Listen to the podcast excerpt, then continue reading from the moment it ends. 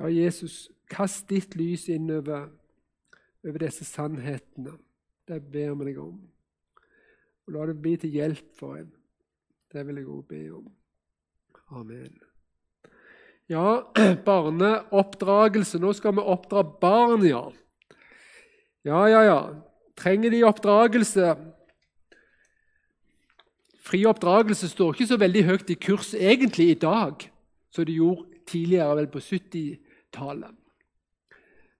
Men det er veldig stor grad av frihet i barneoppdragelsen. Altfor stor frihet, sånn du snakker i store bokstaver og ser utover det hele. Så er det kjempestore variasjoner. Det er flere grøfter å gå i. Men hva er egentlig barneoppdragelse? Du smaker på den og skal si det med få ord, eh, hva er det for noe? Da møter du nok en utfordring, vil jeg tro. Jeg vet ikke hvor dyktig du er med sånne avanserte begreper. Hva er det? Hva er barneoppdragelse? Det er å få ungene til å være sånn som jeg liker at de er. Nei, nei, nei. Det er til å få ungene til å bli en kopi av faren. Eller er det å få ungene til å bli sånn som far tenker at han burde vært? Ja, ja. Dra opp er liksom å dra opp etter håret. Oppdragelse. Ja. Det er mange tanker om det med å oppdra. Og hvis du, hvis du er interessert i sånne teoretiske ting som òg kan være veldig praktisk nyttig, så er ei bok sånn som den eh, gir refleksjon. Eh, den boka her den sier som så Det er intensjonal, altså en målretta sosialisering og oppbygging av en personlig identitet og et ansvarlig jeg.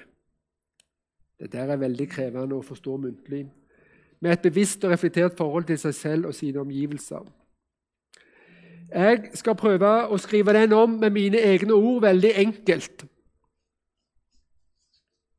Føre fram mot selvstendighet. Komma. Der har noe eh, Oppdragelsen den har på en måte et mål lenger framme der. Eh, vi har jo sagt om foreldreansvaret, og foreldrene har ansvar for oppdragelsen. sant? Men poenget med oppdragelsen eh, den er på en måte, gjelder jo først og fremst noe når foreldrene ikke er der. Min eldste sønn han er, heter Fredrik. Han er oppdratt i mange år. Eh, Målet er jo at når jeg, når jeg ikke er der og oppdrar han, når han er aleine, han og kona Det er da det er da det gjelder. Når de utenfor vår kontroll, det er da det gjelder. Så det, De må være selvstendige. Da skal de på en måte både gjøre det som er godt og rett, og de skal ikke gjøre det som er vondt og vrangt. De skal heller ikke la seg lede. Jo, det skal de, men ikke på ville veier. De De skal underordne seg på arbeidsplassen. Når de er 20 år, når de er 30 år Jeg jeg har vært sjef i masse år. Sikkert større vekslende hell, antageligvis. Nå er jeg ikke sjef over noen på en arbeidsplass. Nå skal jeg bøye meg. Ja, Deres Herre. Nei, jeg sier ikke det. men jeg skal bøye meg. Jeg er ikke sjefen. Jeg skal underordne meg de myndighetene som er satt over meg.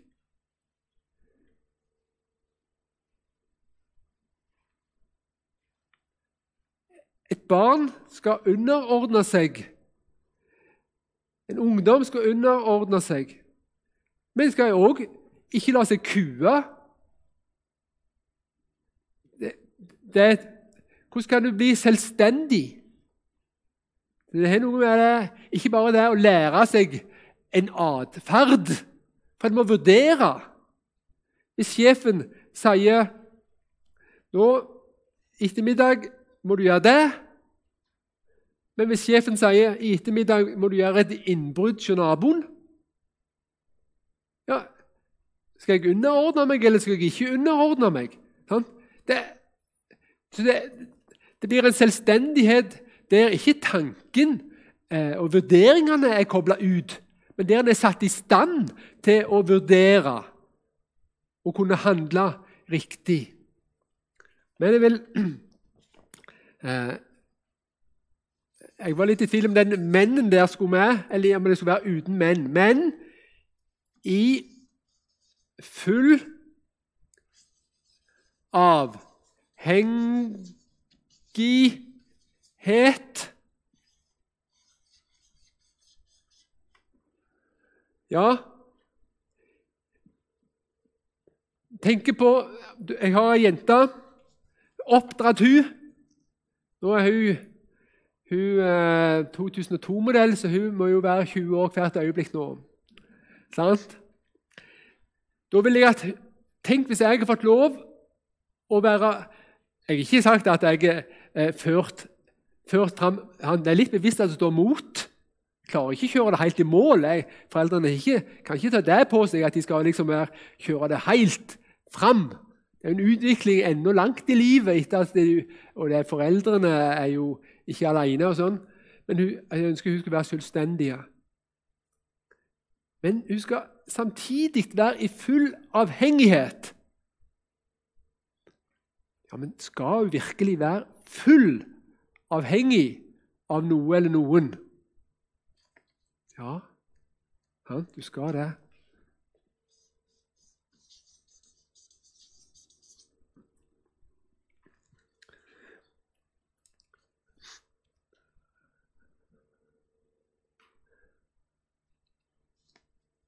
Ja, det, det er ett forsøk på en hjemmelagd definisjon av barneoppdragelse.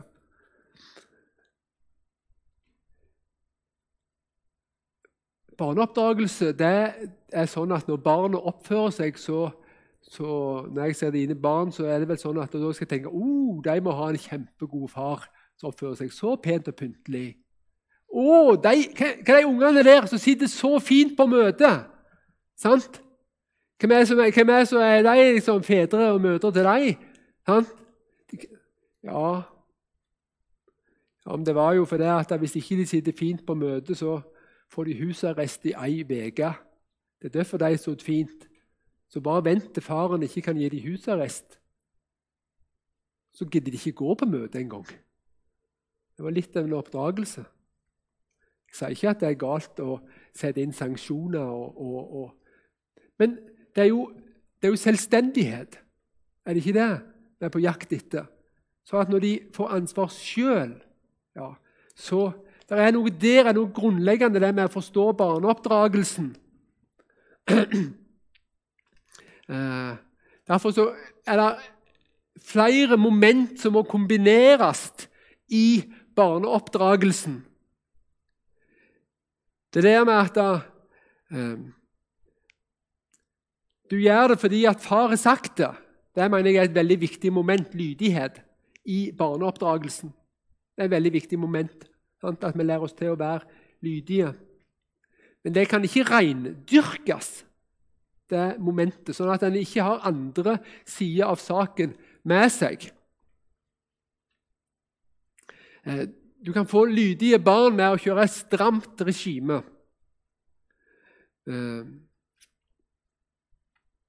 Eh, hvis du er som lærer da er vi jo, Men er jo i oppdragergjerningen, og jeg Jeg eh, er kjent for å være en streng lærer.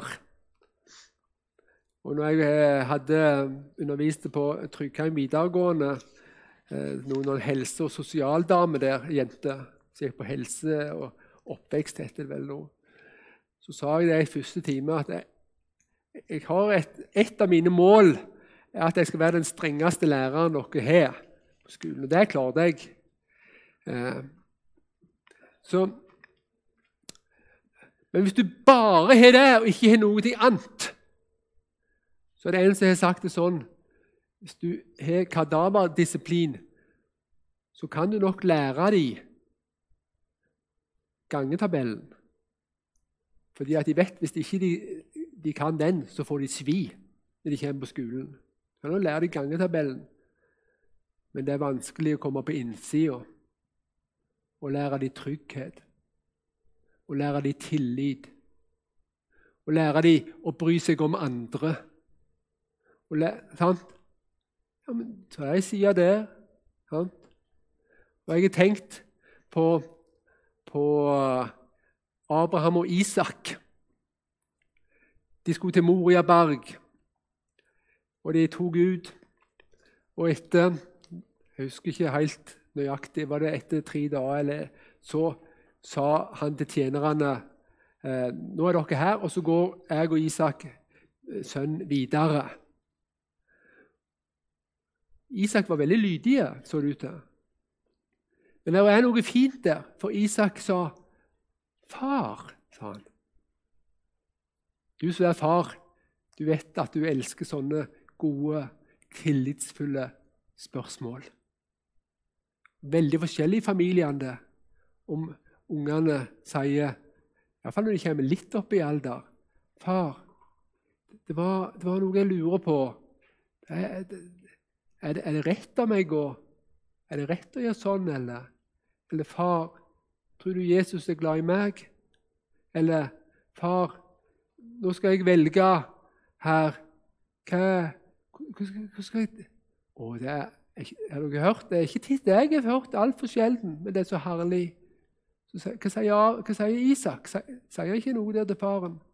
Far, her er ilden, og her er veden. Hvor er offerlammet? Og så tillitsfullt det er.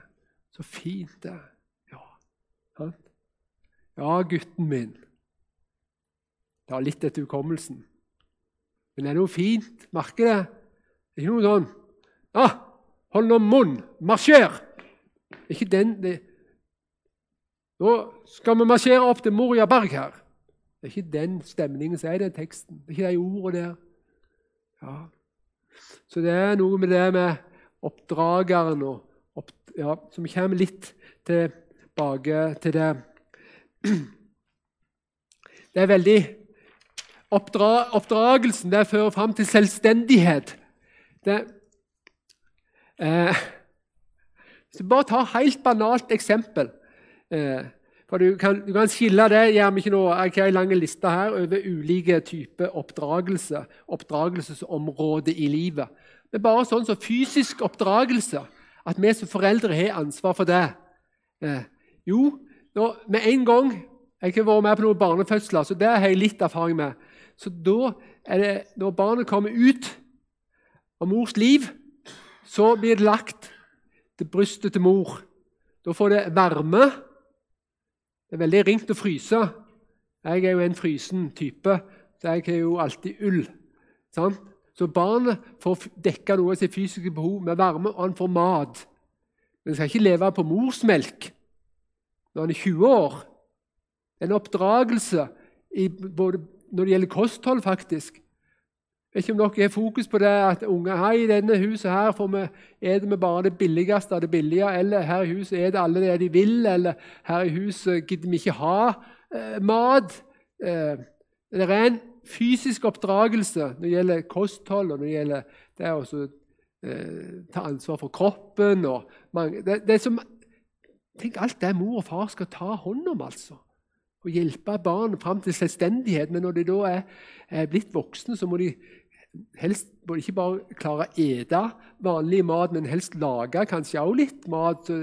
Hvis de, ja, også, eller være i stand til å kunne lære seg å lage mat om de ikke kan. Er så, oppdragelsen er veldig, veldig stor. Det er han. Um, så sier noen, og det tror jeg er mye sant i, at det viktigste i oppdragelsen det er viktigste faktoren i oppdragelsen, det er oppdrageren. Fikk du med deg den, Olav? Hæ? Du hørte det, men forsto du det? Da skriver jeg det opp her. Det oppdrageren Drageren Det er å skrive fint og fort, er ikke lett.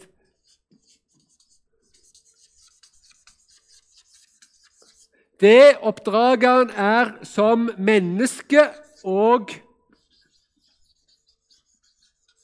person, representerer Kanskje står det her. Det er sikkert lurt. Kanskje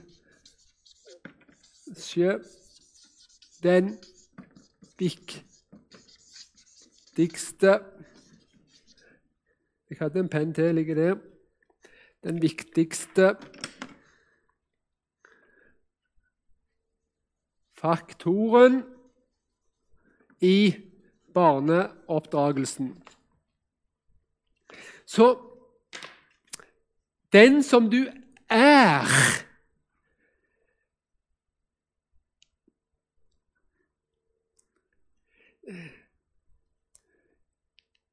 Det du sier, er viktig, men den du er og det, Jeg syns det er veldig bra at det står 'er' og ikke 'gjør'. For Hvis du tenker at det er veldig viktig det du gjør som oppdrager, da kan du tenke at her er det mulighet for skuespill. Men den du er, det vil prege både dine ord og dine handlinger. Og ungene de merker når det er ekte vare. Ja.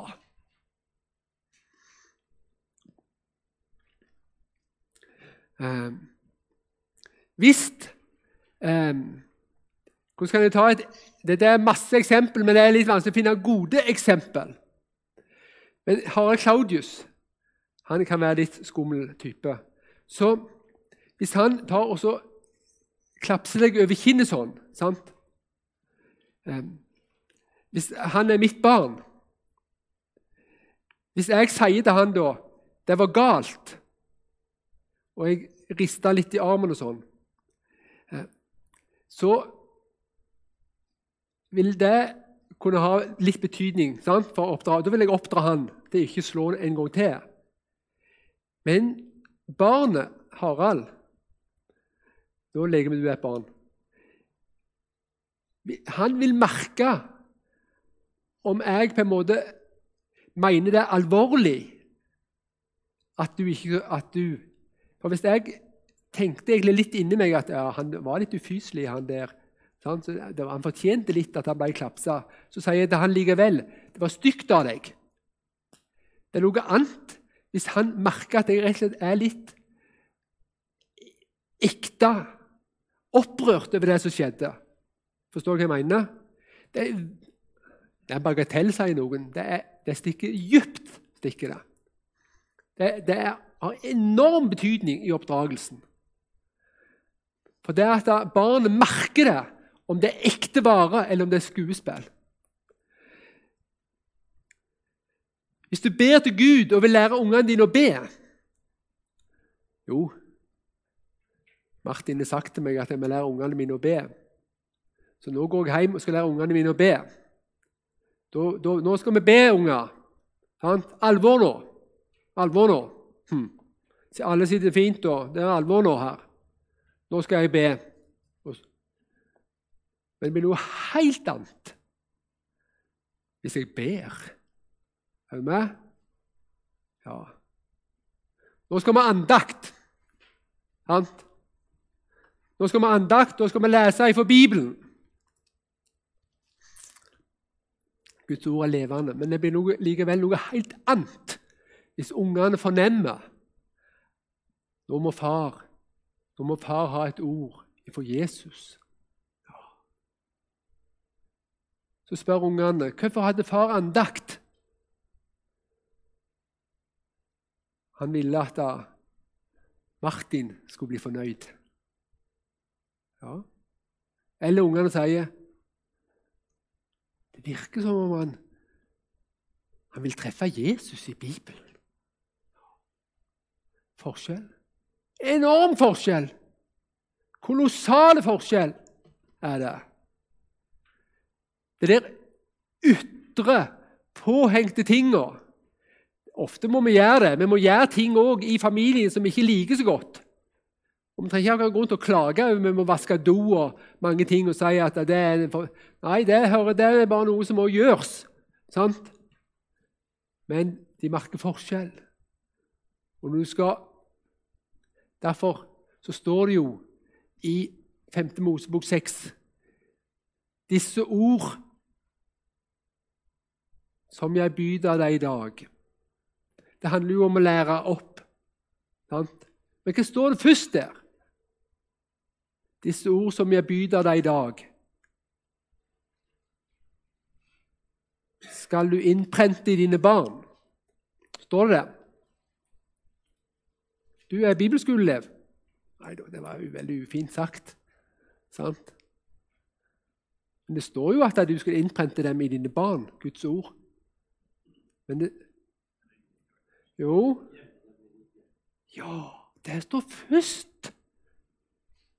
Det står først til oppdrageren. Disse ord som jeg byr deg i dag, skal du gjemme i ditt hjerte. Og så skal du innprente dem i dine barn. Hvis du hopper over det første og går rett på det andre, så tenker ungene far er en hykler.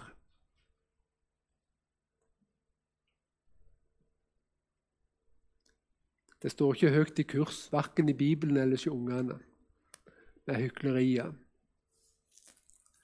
Så det, det, det der er viktig.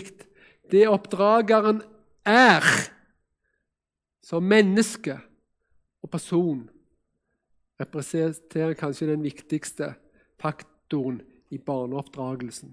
Så er det så veldig, veldig mange ting. Så ha, da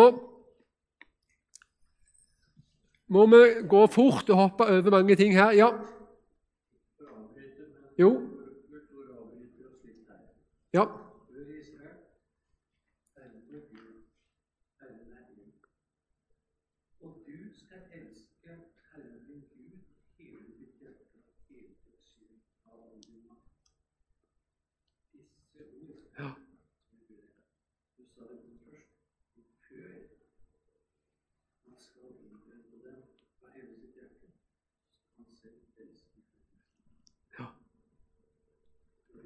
Ja, det var fint.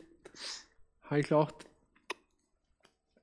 Men i den setningen som gjelder det med å formidle det videre, så var det det å ta det først sjøl. Men tusen takk.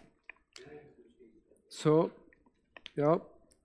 Så tenkte jeg på første test 4, 1 til Første test 4, 1-12.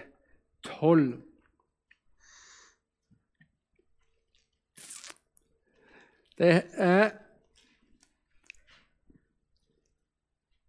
Bruker litt sånn at vi prøver å anvende Guds ord inn i situasjonen.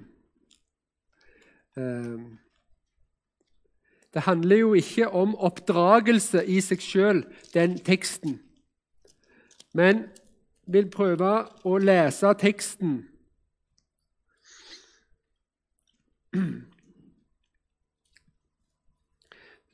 Så kan vi tenke at da vi leser den inn i en oppdragersituasjon.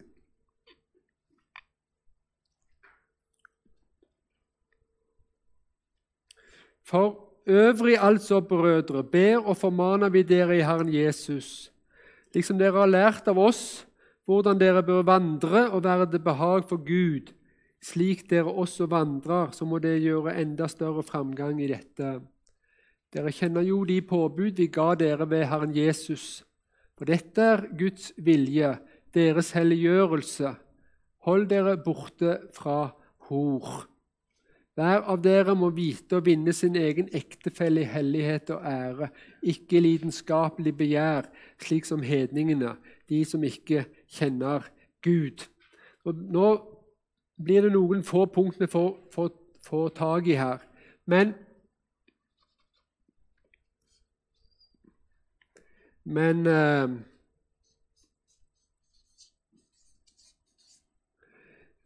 Så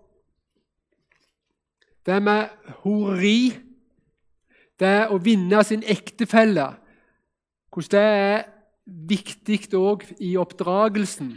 Både at du som far eh, at du eh, flyr det for din del, og at vi legger vekt på det i oppdragelsen. At våre barn de skal òg inn i ekteskap, og de skal vinne sin ektefelle i hellighet og ære. At det er en viktig ting så Bibelen, Gud, legger oss på hjertet.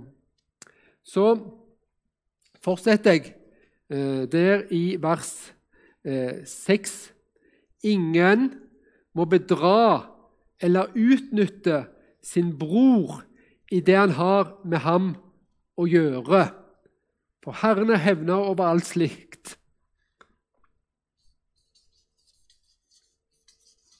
Ikke bedra eller utnytte. En har sagt det sånn at her har du, her har du utukten, og her har du havesyken. Det går jo igjen i hele Bibelen som, som to veldig vesentlige ting, som er en fare for oss, og som vi ser i, i, i hele verden. Du kan ja, det å bli rik og de seksuelle synder. Hvordan det er Så det med ærlighet. Ikke, og det å ikke utnytte. Det er pengebegjæret Det med å være ærlig og redelig. Ja, det står høyt. Så det er viktige ting. Det er ikke noen uttømmende liste, dette her, men det er noen moment. For Gud kalte oss ikke til urenhet, men til helliggjørelse. Derfor den som forakter dette Han forakter ikke et menneske, men Gud. Han som gir sin hellige ånd i dere. Så husker dere ved Hebreerne 13. Da kommer det igjen kjærligheten. Det var broder kjærlig Legge vekt på kjærligheten i, i eh, oppdragelsen.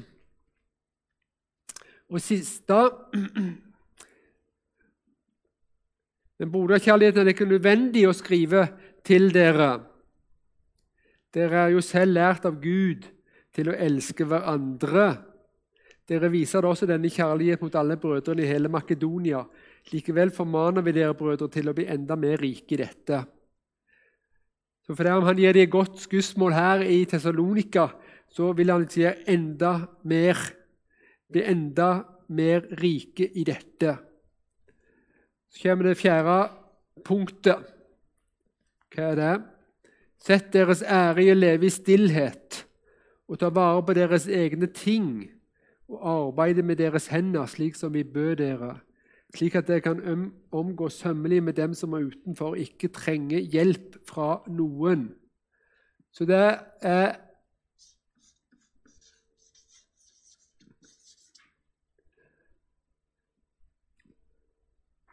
Jeg tror at det er Jeg vet ikke hvordan det er her i Vestfold, men jeg tenker at, at i det området som jeg bor i, så det er lite akta på oppdragelse til arbeidsomhet.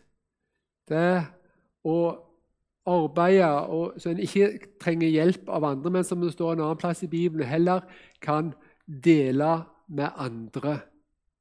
Eh, en annen side av saken som også har blitt eh, en gammel sjelesørgerisk på en måte, eh, veiledning som har blitt gitt, det er jo at arbeidet har en veldig bevarende eh, effekt imot det vonde. Og Det har jeg tenkt på mer enn én en gang i den tida vi lever i nå. Eh, når det gjelder ja, voksne òg, for den del, men jeg tenker helst på ungdommer. unger. Det er jo det med dataspill og Internett og sånn.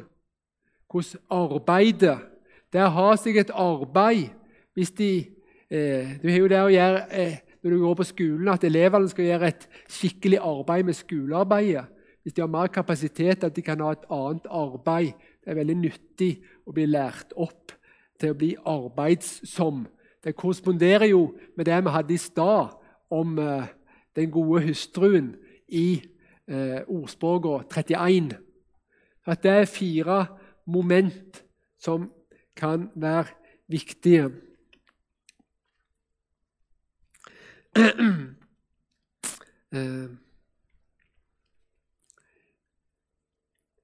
hvordan Jeg ser på der jeg er oppvokst på Jæren. Det er veldig mange bondegårder. Så det, jeg ser at de som er vokst opp på bondegårder, har en stor fordel på gjennomsnitten. At får, ungene får lett tilgang til arbeid. Sånn at de lærer seg å arbeide, og de kan bruke tida på nyttige ting. Og de kan òg bli kombinert med at de får litt penger mellom hendene, som jo kan være en utfordring, men òg kan være en god opptrening til økonomiske eh, Å kunne forvalte sine egne midler, sånn som vi må gjøre i voksenlivet.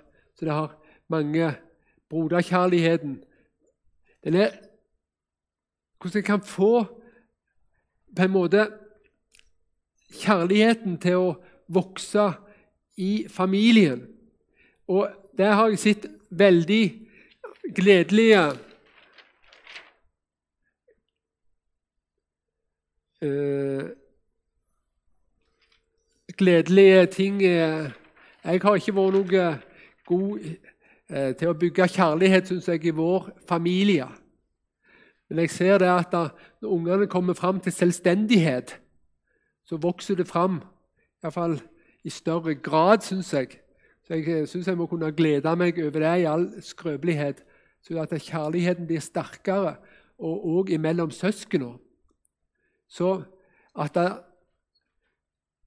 det er ikke sikkert at det som ungene i dag opplever Kanskje opplever de at det blir eh, ting som foreldrene gjør, som regulerer og, og setter ned grenser og, og, og tukter og sånn, at det er ubehageligheter. Men det kan godt være at det er med å legge et godt grunnlag for at ungene kan få gode forhold i voksen alder. For de har ikke fått lov på en måte, i hermetegn, å ødelegge så mye for hverandre i barndommen. Eller at de har fått hjelp til å gjøre opp ting i barndommen, så de skal slippe å dra med seg inn i voksen alder. Tenk deg når du jobber med ungene dine, at det, du dør snart. Memento mori. Jeg tenker jeg det. Jeg dør snart. Men at ungene mine at de liker å være i lag. Tenk for en rikdom det er hvis en kommer ut i hardt vær i barneflokken. Tenk hvis de andre da er der og vil hjelpe søsknene, selv om de er voksne, de andre, og har nok å tenke på ja, da er jeg lykkelig om de ikke gidder bry seg om meg. Hva har jeg å påberope meg? Ja, men det er ikke så. De er veldig snille. Men det, det er perspektivet og den gleden det er å se, se framover at ungene kan hjelpe hverandre. Broderkjærligheten, om det kan være, være uh, uro og mange ting i heimen når de er små, noen krangler masse, noen krangler lite. Men at da Og Så ser jeg jo det hvis de får lov å tro på Jesus. Det kjenner vi jo til. Da får vi jo den, den himmelske broderkjærlighet inn. Og hvor stort det er. Det er å sette seg ned Hvis det ikke er møte på bedehuset hos oss, så spør vi om Fredrik og kona eh, på søndag formiddag om de vil komme. Så kan vi f.eks. sette oss ned sammen og se, en, se et møte fra en eller annen plass. Og hvor rikt det er. Usigelig rikt det er. Tenk at jeg vil de. Tenk at vi får glede oss i evangeliet i lag. Tenk at vi kan tro på at vi er på himmelvei i lag. Og det, det er en slags overjordisk lykke, samtidig som en ser at jeg setter altfor lite pris på det. egentlig. Men du som har kristne barn i voksen alder Å, du er så heldig. Men så kan du òg be for deg og ha tro for at Guds ord Har du sådd Guds ord ut i barneåret, barnesinnet, så er det vanskelig å stampe imot brodden. Så ber vi for deg som ikke hører Jesus til. Ja, Nå har vi ikke mange minutter igjen, men det er en veldig interessant Hvis jeg skulle eh, prøve å gi mer sånn en type oppskrift Det nærmeste jeg kommer på ei oppskrift på god oppdragelse, det er en modell. Liker dere modeller?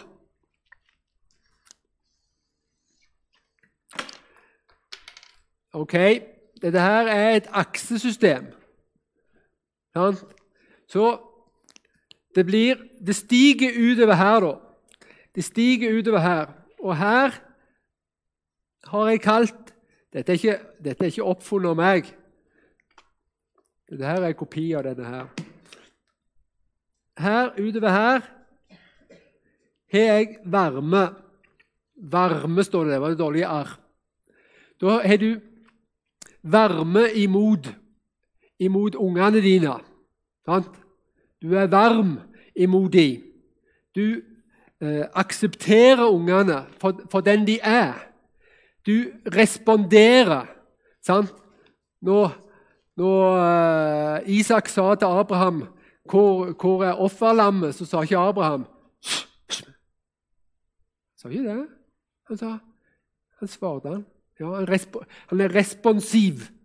Han er Hvis du er varm her, så er du barnesentrert. Det betyr at da du, når du oppdrar og når du er i kontakt med ungene, så tenker du ikke mest mulig på at ungene skal oppføre seg eh, sånn at jeg får et mest mulig behagelig liv som voksen. Men du vil at ungene skal få et, et godt liv, både her og nå, men du ser jo framover. Så det betyr ikke at hvis ungene har lyst på, på en, eh, en, kjærlighet, heter det, slikkepinne, sånn søtt opplegg, så sier du ja, du har lyst på det, da får du det. Nei, du tenker er det bra for det på en mandag? Får jo hull i tennene hvis du spiser for mye. Så du ser på en måte fram der, så sier du nei. Det er jo veldig ofte. Det betyr ikke at du er kald, da er du varm, for du har barnets ve og vel i sikte. Du tenker ikke det at Nei, jeg, jeg eh, ja, Du tenker ikke på deg sjøl, men du tenker på barna. Og her oppover her så er det kontroll. Denne her får vi Nå må vi ja. Så det som er poenget i denne modellen, det er det å se Har du kontroll? Det er at du krever barna. Du sier 'så langt, men ikke lenger'. Du sier nei når det er nødvendig. Du sier 'dette skal du gjøre Sånn som jeg er sjefen. Du er, du er kontroll. Du er en krevende person hvis du er her. Oppe til, lenger opp her du er satt på spissen, til mer krevende er du. Sant? Så Ut ifra dette så vi, kan vi si at vi får fire rom. Henger du med? Ok, så hvis jeg er i det rommet der sant?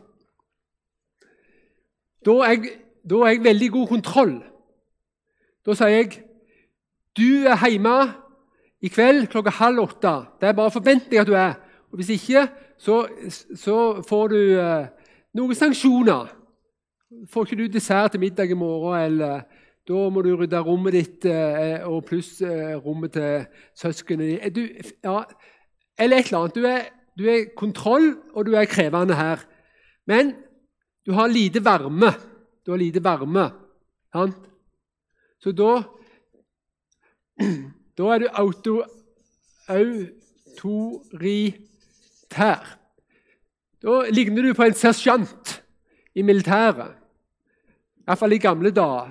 Du Følte ikke sersjanten hadde omsorg for deg og ditt liv, liksom. Men sersjanten han bare forlangte du bare skulle gjøre det han hadde bestemt. Mm -hmm. Du er autoritær. Her her altså har du her er lite kontroll. Du sier til ungene dine hva har du lyst til? Du, bare gjør som du vil. Sant? Men du har lite varme. Du bryr deg ikke om ungen heller, da. Så da kaller vi det det er forsømmende. det. Forsømmende foreldreholdning. Forsømmende. Det er kanskje barn av alkoholikere og narkomane. De ligger nedi her, f.eks. De, de gir gjerne ikke noe varme til barnet, og de har veldig lite kontroll. Kanskje syns du at den er veldig uaktuell. Denne her Her er du veldig barnesentrert. Veldig interessert i barnet ditt. Du vil barnet vel. Du er veldig forveden på hvordan du kan hjelpe barnet, og hvordan barnet kan få det godt her i livet. Sant? Men du er veldig liten kontroll. Du har veldig lite krav til barnet ditt. Da kan vi kalle det ettergivende. Sånn? Hvis du kommer til kassen i butikken, der står jo snopet, godteriet. Sånn? Da begynner barnet å skrike og gaule. Sånn? Og du, så snill som du er, så har du ikke så veldig stor kontroll og er så krevende. Så da, OK, da. Her er du litt. da. Slutt å skrike? Nå er det går fint. Så sier barna nei, jeg vil være ute det, Du sier 'kom hjem halv åtte'. Nei, sier barna. Jeg vil, jeg vil være ute til halv ti. Å ja, ok, ja, ja, ja. Da er det greit. Sant? Du er ettergivende for barna. Og ifølge denne boka her så viser forskningen at det er den beste plassen å være. Her oppe. Da har du, eh, du er varme imot barna men du er òg krevende, og du er kontroll. Men du avpasser jo kravet etter alderen, så klart. Men da kaller den for autoritativ.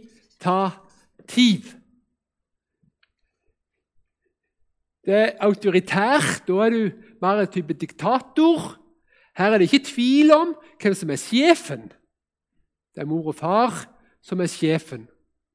Men du lytter du har dialog, du snakker. Du prøver å forstå barnet, du har varme. Men du setter grenser for barnet. Du sier ja, og du sier nei. Du sier hit og ikke lenger. Men du sier av og til det kan du bestemme sjøl når det passer til alderen. Sånn? Autoritativ. Og det blir mer og mer en gjensidighet. Mer og mer en gjensidighet. En mer og mer drøfting ettersom barnet blir eldre. Sånn at når det er, eh, er voksent, så klarer det sjøl å ta ansvar for eget liv, og det klarer òg ta ansvar for andres liv. Altså Hvis jeg får en baby sjøl, så klarer det å hjelpe den babyen. Så om det ikke det, det minner litt om lov ikke, Det er ikke identisk, men det minner jo litt om det. Hvordan Gud òg tenker med oss, lov og evangelium. Sant? Kommer du til Han som en synder, sant? ja, du får lov til det. Men Gud kutter ikke av på kravene sine og sier nei, vi, var, vi må bare kutte av kravene her. Så, så, vi bryr oss liksom ikke om hvordan du lever. Nei, sånn tenker ikke Gud. Sånn skal ikke vi heller tenke. Så det, det kan være iallfall en, en interessant modell, og det kan gi litt sånn type oppskrift. Eh, hvor er jeg, og hvor er kona? Hvordan har vi det i vår familie? Så kan kanskje brukes til noe fornuftig inn i eh, vår oppdragergjerning. Så er det viktig eh, når vi skal gjøre noe som er veldig vanskelig eh, Men det er noe du er nødt til å gjøre som er veldig vanskelig. Da er det ikke lurt å stikke av. Det virker som i dag at veldig mange menn stikker av ifra oppdragerrollen. Men skal du gjøre noe vanskelig, så må du bare gjøre det. Men hvordan vil du gjøre hvis det er ellers i livet hvis du skal gjøre noe vanskelig? Jo, du kan be til Gud. Kjære Gud. Du kan få hjelp av en god venn. Drøfte ting. Kanskje trenger du konkrete hjelp. Det er å være opptatt av det, søke kunnskap. Hvis du skal eh, fikse bilen ikke, Det er vanskelig. Prøve å se om det er noe. Er det ei bok? Da jeg var 18 år så reparerte bilen min, kjøpte jeg jo ei bok, jeg, reparasjonshåndbok så jeg kunne lese og få hjelp. Jeg snakket med andre som var interessert i bilreparering. Og, og ja Så gjelder det å ikke miste motet, da. Tenk at du er, du er, på en plass hvor Gud vil ha deg. Barn er jo en gave fra Herren. Ja Det var fint å tenke på det. Var det han som ville gi meg denne fine gaven? Da må han òg hjelpe meg i få lov å be han om å hjelpe meg i oppgaven. Ja. Her var det mange ting vi ikke fikk sagt, vet du, men la oss be for oppdragergjerningen. Takk, Jesus, at vi får lov å prøve å lære. Og vi må be. Vi må be til deg. For det det gjelder mest av alt, det er jo himmelen. Så ber vi for heimene at det skal være gode heimer. Og du må hjelpe mor og far, Herre. Du ser de som er her inne. Oss.